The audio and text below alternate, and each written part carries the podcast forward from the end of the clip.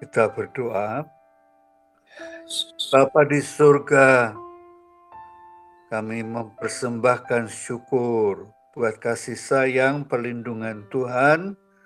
Semalam kami mendapatkan tidur cukup dalam naungan damai sejahtera.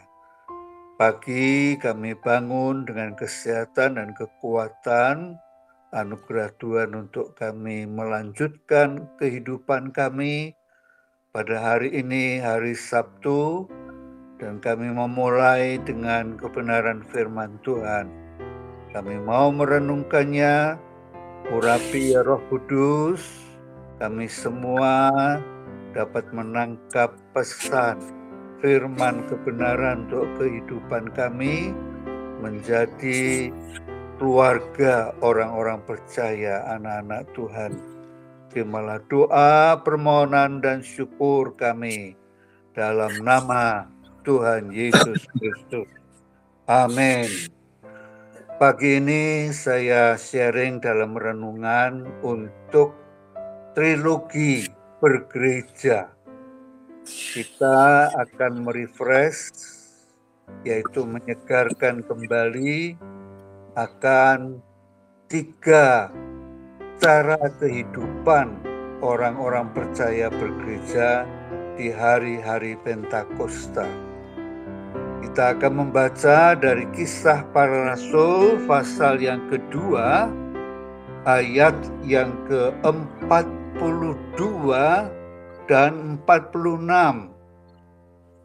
Dikatakan demikian, mereka bertekun dalam pengajaran rasul-rasul dan dalam persekutuan dan mereka selalu berkumpul untuk memecahkan roti dan berdoa. Ayat 46.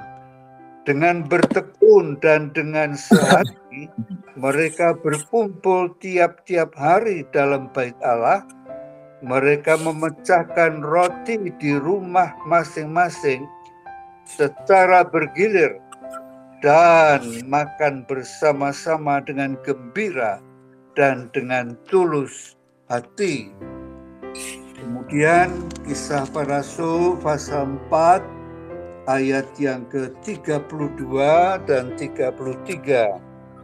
Adapun kumpulan orang yang telah percaya itu mereka sehati dan sejiwa dan tidak seorang pun yang berkata bahwa sesuatu dari kepunyaannya adalah miliknya sendiri, tetapi segala sesuatu adalah kepunyaan mereka bersama. Dan dengan kuasa yang besar, rasul-rasul memberi kesaksian tentang kebangkitan Tuhan Yesus dan mereka semua hidup dalam kasih karunia yang berlimpah-limpah. Sampai di sini diberkati oleh Tuhan. Semua kita sesudah mendengarkan firman Tuhan kemudian kita peliharakan baik-baik dan juga untuk kita lakukan dalam kehidupan seseharian kita. Amin. Yang dimaksud dengan trilogi bergereja adalah yang pertama koinonia. Katakan persekutuan. Persekutuan iman orang-orang yang percaya. Mereka mempelajari pengajaran rasul-rasul.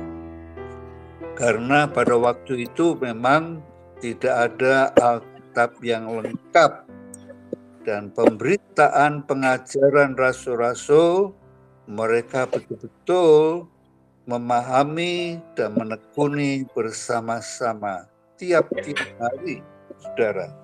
Koinonia itu berarti suatu persekutuan anak-anak Tuhan, orang-orang yang percaya akan kasih sayang dan kuasa Tuhan Yesus Kristus yang menyelamatkan hidup kita semua. Kita bersyukur bahwa koinonia ini masih dapat kita lakukan setiap hari tiap pagi dengan hamba Tuhan, Pendeta Muda Agus Susanto, dan kemudian saya hanya hari Sabtu. Setiap hari kita merenungkan kebenaran firman Tuhan, itu berarti bahwa terjadi suatu koinonia, persekutuan orang-orang yang percaya memahami kebenaran firman Tuhan walaupun secara singkat. Akan tetapi di waktu kita refresh kembali akan persekutuan keluarga kecil itu adalah juga koinonia yang pernah kita lakukan uh, setiap bulan satu kali kita bergiliran ke rumah-rumah keluarga besar GKMI Semarang dan di situ selama satu dua jam kita berkumpul bersekutu menyanyi menyanyikan puji-pujian mendengarkan firman Tuhan dan juga bertanya jawab dan kemudian ada kesaksian dan kemudian kita juga berdoa bersama berdoa untuk semua kehidupan keluarga kita berdoa untuk aktivitas GKMI Semarang. Demikian juga berdoa untuk semua pelayanan yang ada dan banyak hal yang dapat kita doakan. Di waktu kita menyegarkan kembali ingatan kita untuk PKK itu, kita merindukan bahwa kita akan dapat lagi sebagai keluarga besar GKMI Semarang, PKK Haleluya itu adalah satu koinonia yang sangat memberkati kita. Dan itulah yang menyebabkan terjadinya perkembangan baik kuantitas demikian juga kualitas kehidupan keluarga besar GKMI Semarang. Bagian yang kedua yaitu diakonia. Orang-orang yang percaya pada waktu itu memang mereka berbagi kasih. Kita pun juga di waktu merefresh kita GKMI Semarang juga secara komunitas kebersamaan melakukan diakonia berbagi kasih kepada saudara-saudara yang sangat membutuhkan pertolongan baik itu berupa beasiswa ataupun kehidupan mereka. Kita bersyukur dengan adanya MDS yaitu Mennonite Diakonia Service yang dipelopori oleh Saudara Pendeta Paulus Hartono. Begitu banyak pelayanan diakonia yang sudah dilakukan bertahun-tahun dan itu membawa berkat bagi banyak orang. Tatkala atau pada ketika terjadi berbagai macam bencana alam di sana sini dan semuanya itu memang kita sudah mendengarnya. Kita pun juga mendoakannya. Diakonia ini memang merupakan cara hidup kehidupan bergereja dalam kebersamaan kita berbagi kasih dan memang itu di waktu kita melakukannya. Tuhan Yesus, nama Tuhan yang dipermuliakan. Ada banyak jiwa yang diselamatkan melalui pelayanan diakunia ini. Bukan oleh karena bendanya atau barang-barang yang kita berikan kepada mereka. Tetapi betul keselamatan dari Tuhan Yesus itu mereka alami dan banyak yang menjadi orang-orang yang percaya. Di sini pun pertumbuhan gereja itu terjadi yaitu melalui pelayanan diakonia. Yang terakhir adalah marturia. Marturia itu artinya kesaksian. Tadi juga disampaikan dalam ayat 33 dan dengan kuasa yang besar rasul-rasul memberi kesaksian tentang kebangkitan Tuhan Yesus dan mereka semua hidup dalam kasih karunia yang melimpah-limpah. Kesaksian kita semua keluarga besar GKMI Semarang menjadi saksi kebenaran melalui perkataan, demikian juga perbuatan kehidupan seseharian kita, dalam pekerjaan seseharian kita, dalam tugas tanggung jawab, baik untuk keluarga, rumah tangga kita, demikian juga untuk relasi rekan-rekan sekerja kita, di mana kita sedang mengerjakannya dan melakukannya ada sedikit kesaksian pada ketika jauh sebelum pandemi, kurang lebih enam kali ada suatu pelayanan yang saya lakukan, yaitu training orientasi pelayanan. Artinya adalah untuk pendekatan kepada semua orang yang ada di sekitar kita di kota Semarang ini. Dan pelayanan orientasi pelayanan ini, training ini dilakukan oleh Gereja Islam Masih. Saya membantu mereka selama tiga tahun lebih, enam kali pertemuan pendekatan kepada agama Konghucu. Saya mempunyai makalahnya semua. Pendekatan kepada agama Buddha, saya mempunyai makalahnya semua Demikian juga pendekatan kepada agama Hindu. Dan bagian yang saya pelajarkan untuk pendekatan adalah dengan secara simpel sederhana yaitu menggunakan buku saku yaitu buku tanpa kata. Ada beberapa warna di dalam buku ini. Satu warna kuning emas melambangkan surga, Lembar kedua warna hitam melambangkan dosa. Dan lembar ketiga adalah lambang warna merah melambangkan pengorbanan Tuhan Yesus di atas kayu salib untuk menebus dosa manusia.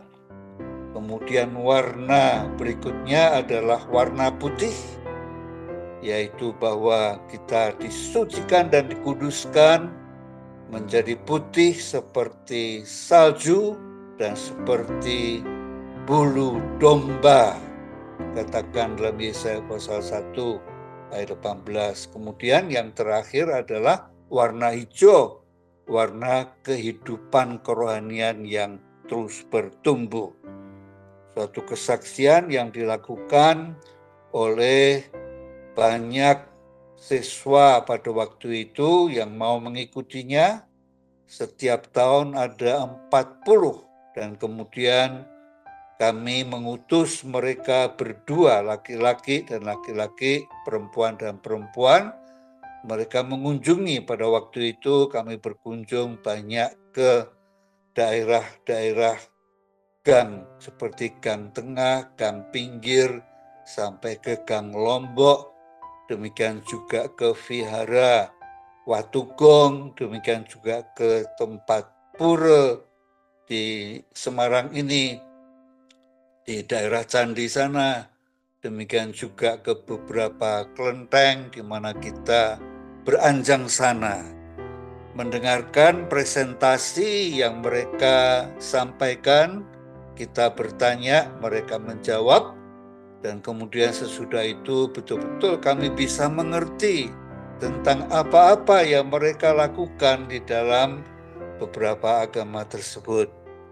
Tetapi sahabat keluarga besar GKMI Semarang memang hanya ada beberapa kesaksian di mana mereka banyak yang bertobat dan menerima Tuhan Yesus dan memang seperti pekabaran Injil seperti ini, sebelum pandemi memang masih bisa dilakukan, tapi juga setahun sebelum pandemi hal itu kemudian tidak diperbolehkan lagi sehingga kami berhenti mengajar training orientasi pelayanan ini. Tetapi satu kesempatan yang luar biasa sampai kepada hari ini. Maka warga besar GKMI Semarang masih dapat menyaksikan kasih setia Tuhan Yesus yang menyelamatkan, menjadi para martir, bersaksi, menyaksikan kebenaran firman Tuhan melalui kehidupan seseharian kita. Semuanya ini tiga bagian trilogi bergereja. Yang pertama koinonia, yang kedua diakonia, yang ketiga marturia. Mari kita bersama senantiasa berdoa dan melakukannya dalam kasih Tuhan, maka kasih karunia Tuhan selalu menyertai kita dan kita semuanya hidup dalam kasih karunia yang melimpah-limpah. Amin.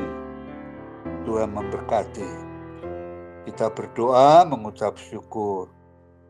Terima kasih Tuhan Yesus.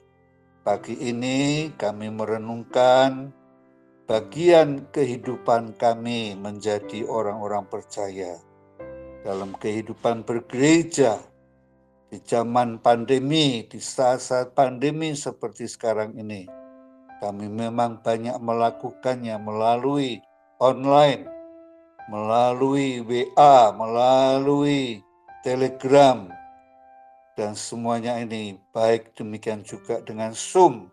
Kami tetap berdoa agar persekutuan atau keinunia kami terus bertumbuh di dalam kasih karunia Tuhan kita semua makin menjadi dekat dengan Tuhan. Terimalah doa syukur kami, permohonan kami, berkatilah kami semua pada sepanjang hari ini, dalam semua aktivitas kami, juga untuk persiapan ibadah kami pada hari Minggu besok pagi. Tuhan berkati semua pemberitaan firman Tuhan. Demikian juga onsite dan online. Tuhan berkati kami dalam kami mengalami akan hadirat Tuhan. Terpujilah Tuhan Yesus, Tuhan kami. Amin.